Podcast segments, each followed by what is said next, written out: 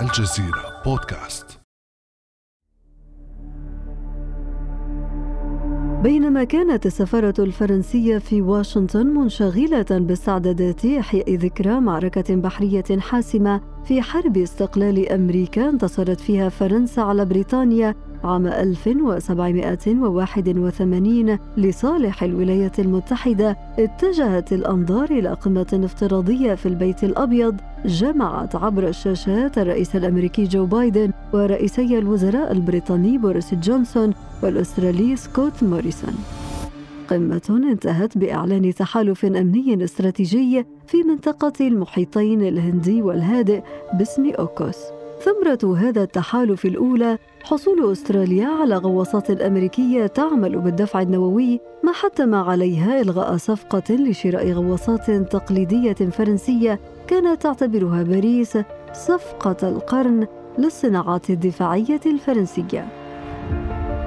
بادرت باريس بإلغاء حفل لتمجيد الصداقة الفرنسية الأمريكية ثم استدعت سفيريها من أستراليا وأمريكا لتدخل علاقات فرنسا مع البلدين في أزمة مفتوحة ووصف وزير الخارجية الفرنسي جون إيف لودغيان الأمر بأنه طعنة في الظهر وقرار على طريقة الرئيس الأمريكي السابق دونالد ترامب. C'est vraiment en bon français euh, un coup dans le dos. Cette décision, ça ressemble beaucoup à ce que faisait M. Trump. أما الصين فقد اتهمت الدول الثلاث بالتصرف وفق ذهنية الحرب الباردة. فما أهمية تحالف أوكوس بين أمريكا وأستراليا وبريطانيا؟ وما تداعيته على أمن منطقة المحيطين الهندي والهادئ؟ وهل تتجه أمريكا إلى احتواء النفوذ الصيني على حساب حلفائها الأوروبيين؟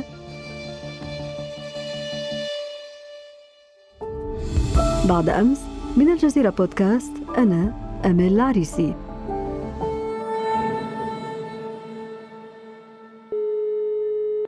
وينضم إلينا في هذه الحلقة من باريس الدكتور كميل الساري أستاذ الاقتصاد والعلاقات الدولية بجامعة السربون أهلا وسهلا بك دكتور كميل.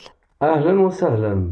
بداية دكتور كميل نريد أن نعرف ما الذي حدث بين فرنسا وحلفائها أستراليا وأمريكا وبريطانيا. من الواضح أن هذه الصفقة كان عندها بعدين بعد اقتصادي محض وهو يشمل عقد تجاري يفوق 56 مليار دولار. وفي نفس الوقت هناك بعد جيو استراتيجي وسياسي وهو أن أستراليا تخشى من النفوذ الصيني ودول عظمى أخرى وأنها تود أن تكون عندها أسلحة وكذلك غواصات. كان هناك يعني اتفاق بين أستراليا وفرنسا وهذا الاتفاق يشمل صنع هذه الغواصات ولكن هناك كذلك مراحل وهو الإنتاج داخل أستراليا أن كل قيمة هذه الصفقة لم تربح فيها فرنسا كل شيء ولكن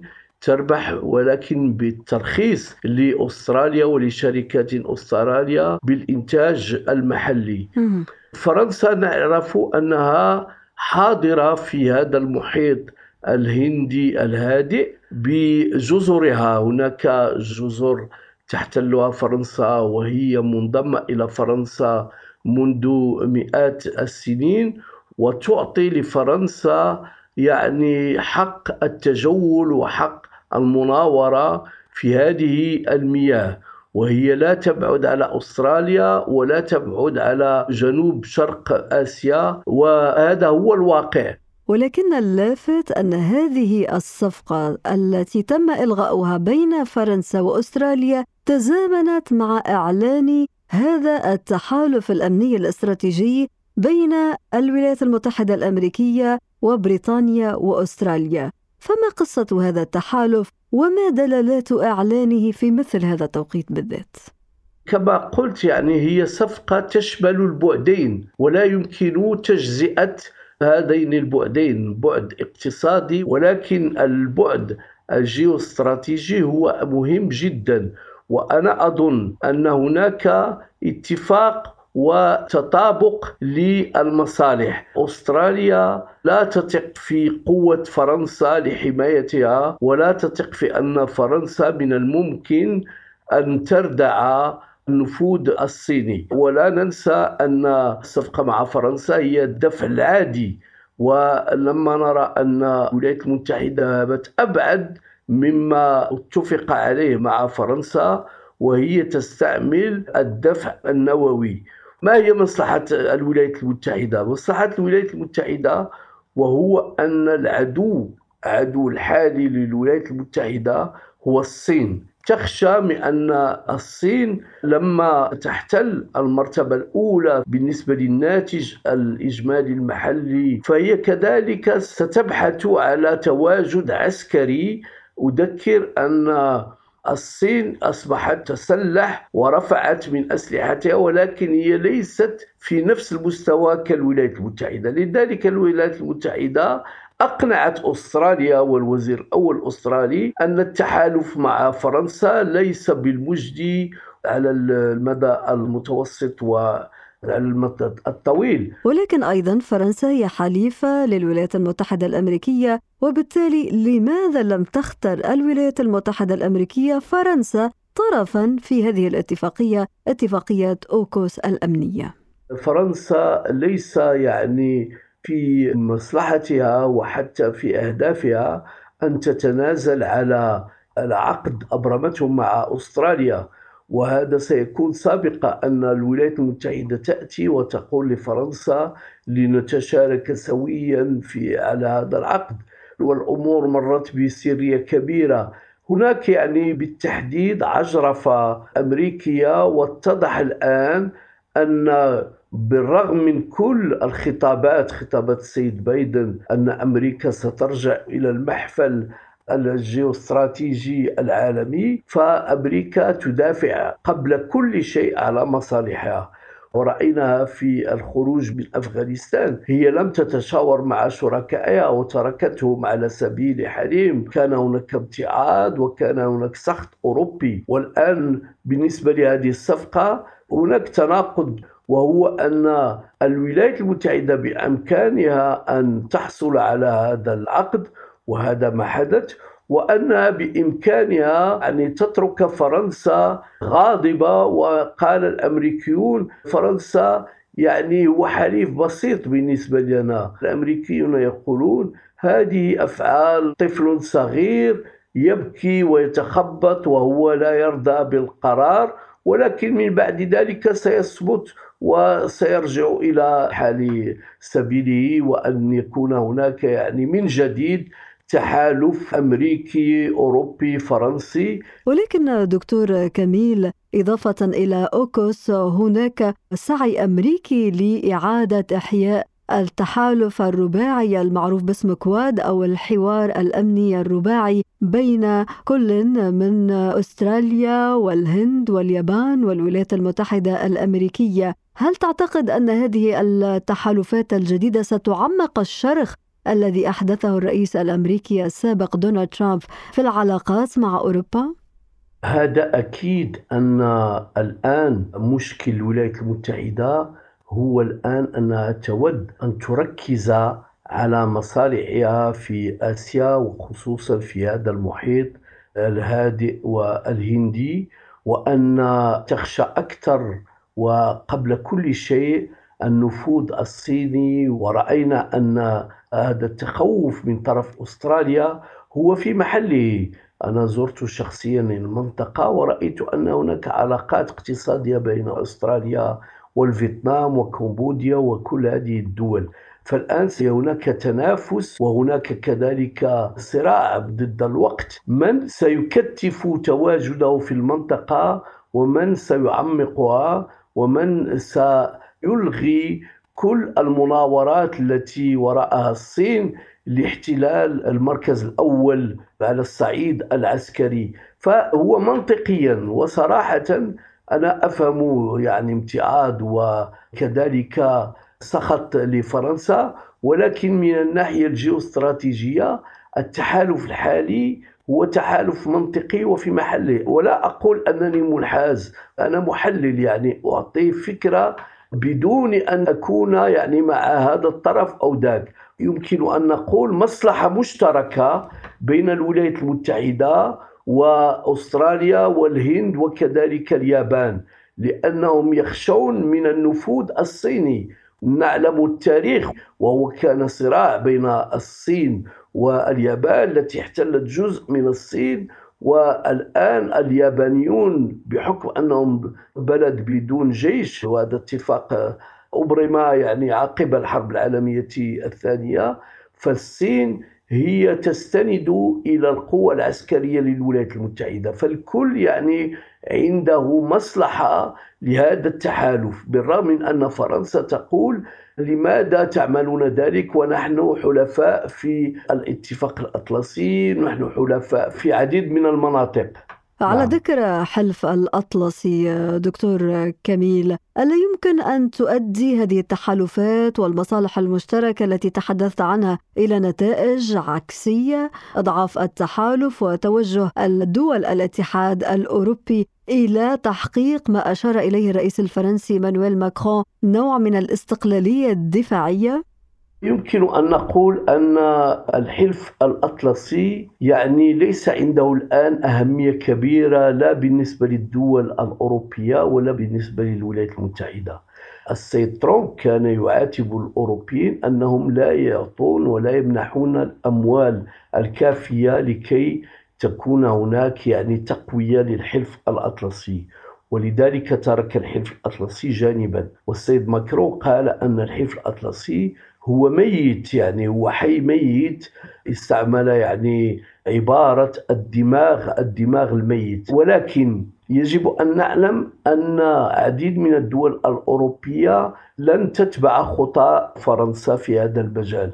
فهي يعني عندها ارتباط عضوي وارتباط متين مع الولايات المتحدة. أذكر أن كل دول شرق أوروبا كانت تحت الهيمنة السوفيتية الروسية وهي تخشى أكثر بكثير من روسيا وتعول على المساعدة الأمريكية والمظلة الأمريكية وكذلك الدفاع الأمريكي. وألمانيا هي ليست بعيدة من هذا المنظور. ولأنها بلد غير مسلح وهي يعني تهتم كثيرا بعلاقاتها العسكرية مع الولايات المتحدة أكثر من الاتحاد الأوروبي. الاتحاد الأوروبي هو فيه انقسام وشرخ. من الناحية الاقتصادية هناك تعامل وهناك يعني تآزر وكذلك اتفاقيات.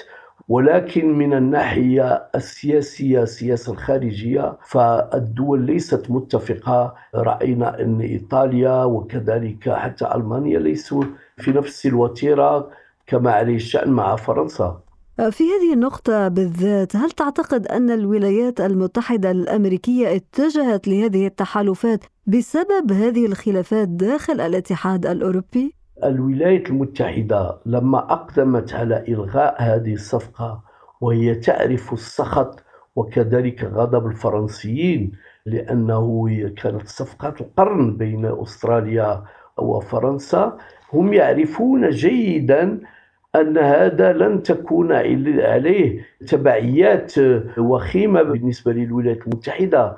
هم يعلمون أن فرنسا هي لوحدها ستتخبط وتقول أنها كفى وأنها تقول هذا كذب وهذه خيانة بين حلفاء. ولكن فرنسا هي الآن يعني جد حرجة. هل يعني ستراجع كل سياستها الخارجية الموالية للولايات المتحدة أو ستخطط لاتفاقيات جديدة؟ بالفعل دكتور كميل يمكن أن نضيف للسؤالين اللذين طرحتهما سؤالا آخر. هل تعتقد أن هذه الهزة أو الانتكاسة في الشراكة الفرنسية الأسترالية أظهرت لباريس حدود الاعتماد على دول حليفة لواشنطن؟ وبرأيك هل أصبحت فرنسا بعد انتهاء هذه الصفقة خارج اللعبة أم أن لها خيارات أخرى؟ هامش المناورة بالنسبة لفرنسا هو ضيق جدا لماذا؟ لأنها محتوم عليها أن تبقى يعني في التحالف الحالي مع الولايات المتحدة في عديد من المناطق وأنها لا يمكن أن تكسر هذا التحالف وتتجه مثلا إلى الصين لأن الصين عندها مصالح مغايرة للأوروبيين الصين تود أن تغزو العالم اقتصاديا وتجاريا وعبر الاستثمارات وهناك يعني موقف أوروبي جد حذر من الاستثمارات الصينية التي تهدف إلى التموقع في أوروبا لنهب الخيرات ولنهب الأفكار ولنهب الإبداع ولنهب التكنولوجيا وأنها من بعد ذلك ستصدر كل هذه المواد إلى الاتحاد الأوروبي. وأن الاتحاد الأوروبي سيبقى يعني في ما أسميه بعدم النمو الصناعي. فكل هذا دفع الولايات المتحدة أن لا تهتم كثيرا بردود الفعل الفرنسية. فالولايات المتحدة هي قوة كبرى ولكن في هذه اللحظة في غياب التآزر الأوروبي وتكثيف الجهود وتكثيف كذلك المصالح مع كل الدول الأوروبية فلن يكون هناك تقدم كبير في هذا المشروع مشروع وزارة الدفاع الأوروبي. وهذا هدف لفرنسا أكثر من خمس آلاف جندي يعني أوروبي تحت الراية الأوروبية يمكن أن يتدخلوا في كل مناطق العالم. في هذا السياق دكتور هناك بعض المراقبين يرجعون أسباب هذه الردود الفرنسية لدوافع داخلية متعلقة بالانتخابات الفرنسية الرئاسية المقبلة. نعم هناك يعني انتقادات من المعارضة الفرنسية سواء كانت من اليمين أو من اليسار المتطرف وهي تقول أن هذه صفعه وهذه يعني عدم تقييم جيد للقوى المتواجدة في هذه المنطقة وأنه انتكاسة لفرنسا وينتقدون الرئاسة الفرنسية. رد فعل السياسيون الفرنسيون يعني في السلطة هو طبيعي لأن هذه ممارسة غير يعني نظيفة وغير نزيهة. ولكن نحن نعلم كلنا أن العلاقات العالمية هي غير نظيفة وغير نزيهة. ولكن فرنسا ستدافع على هذا العقد بالرغم من أنها لن تسترجعه لأسباب داخلية لأننا الآن بدأنا في الحملة الانتخابية للرئاسيات المقبلة في 2022 في الربيع يعني في مارس المقبل ولكن هذا ليس السبب الوحيد لرد فعل فرنسا حاليا استنادا لكل هذه المعطيات دكتور كميل برأيك إلى أين يمكن أن تتجه هذه الأزمة الدبلوماسية بين فرنسا وحلفائها؟ هناك يعني بعض يعني المبادرات ولكن السيد ماكرون سينتقد يعني الموقف الأمريكي وفي نفس الوقت الولايات المتحدة لن تتراجع على العقد لانها تعرف مدى إمكانية فرنسا تتحالف مع بلدان أخرى وأن هامش المناورة بالنسبة لفرنسا هو جد ضيق. فالولايات المتحدة ستستمر في تطبيق هذا العقد. والذي يمكنها من التواجد في المحيط الهادئ الهندي لأنها يعني تحمي حلفائها مثل أستراليا مثل اليابان وكوريا الجنوبية لا يجب أن ننسى ذلك وأنها يعني ستحد من النفوذ الصيني لأن هذا جد كبير. فرنسا ليست عندها القوة الكافية كي تكون يعني الرادع وكذلك تكون يعني الحامي لمصالح هذه الدول تجاه الصين. هل تتوقع أن تتجاوز باريس الأزمة بالنظر إلى المصالح الاستراتيجية التي تملي ذلك نعم رأينا أنها يعني أخذت مبادرة وهي رمزية وهو يعني طلب السفراء الفرنسيين في أستراليا والمتحدة للرجوع إلى فرنسا للتباعد ولكن هذا لا يكفي. يعني ما يمكن أن تفعله فرنسا حاليا وهو الخروج من الحلف الأطلسي. أنا أظن أن فرنسا إذا خرجت من الحلف الأطلسي سيكون عنده وقع كبير وأن تعلن على تحالفات استراتيجية مع الهند مع دول أخرى مجاورة. لكي يعني تسترجع مكانتها في هذه المنطقة. وربما أنا أتكلم كذلك علاقة مع الفيتنام وهذه العلاقة كنت من المشرفين عليها سابقا وأن الفيتناميين يعني يبحثون على هذا التحالف مع فرنسا. وربما فرنسا يمكن أن تقول كذلك نحن لن ندخل في حروب في مناطق أخرى بتحالف مع الولايات المتحدة. والفرنسيون أخطأوا لما يعني استجابوا لكل الطلبات الأمريكية في العراق في سوريا حتى في أفغانستان. فلذلك سيكون هناك يعني استرجاع للسيادة الفرنسية. أقول بأن من دافع على هذه الاستقلالية منذ البداية وهو الرئيس الفرنسي السابق شارل دوغول وهو كان ربما يود أن تكون هناك سياسة خارجية فرنسية مثلا مع الدول العربية حتى على حساب إسرائيل. رأينا وأن تكون لفرنسا يعني سيادة في القرار وهذا هو مستقبل فرنسا. فإذا لم تبدأ في هذا المضمار هذا معناه أنها يعني هي كلعبة بين الولايات المتحدة تستعملها لما تشاء وترميها إلى الشاطئ مرة أخرى. وفي ظل كل هذه المتغيرات دكتور كميل وهذه التحالفات التي تقودها الولايات المتحدة الأمريكية والخيارات التي تبحث فيها فرنسا للخروج من هذه الأزمة يبقى التنافس على بسط النفوذ في منطقة المحيطين الهندي والهادئ على أشده. وبالتالي دكتور كميل ما هي السيناريوهات المتوقعة بهذا الخصوص برأيك؟ فرنسا يعني هي متواجدة في المحيطين بحكم أن عندها جزر منضمة إلى السيادة الفرنسية وفرنسا هي ربما رابع دولة في من ناحية الأهمية في هذه المنطقة عكس الولايات المتحدة. الولايات المتحدة هي متواجدة عبر بواخرها عبر ترسانة عسكرية. لا أنسى أن فرنسا استعملت هذه المنطقة وهذا المحيط الهادئ كذلك المحيط الهندي لكي يعني تشغل تجارب نووية. ولأنها في ترابها هي في عندها سياده على المياه لما كان جاك شيراك هو رئيس فرنسا.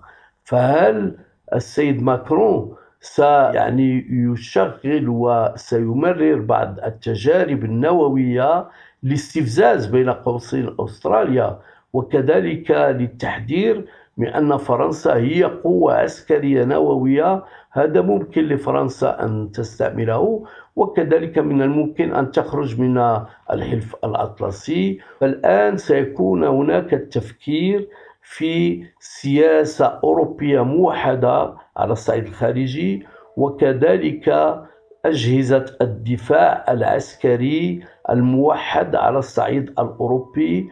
والتنسيق مع كل الدول الأوروبية لكي تكون عندها يعني موقف موحد. هناك كذلك يعني على الصعيد الأوروبي يعني ربما إعادة النظر في العلاقات مع روسيا ومع بوتين مثلا.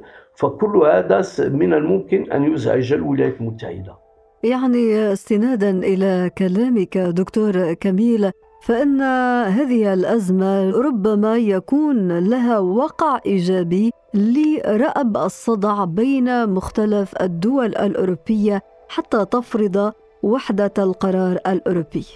الدكتور كميل الساري أستاذ الاقتصاد والعلاقات الدولية بجامعة السربون شكرا جزيلا لك. شكرا لكم. كان هذا بعد أمس.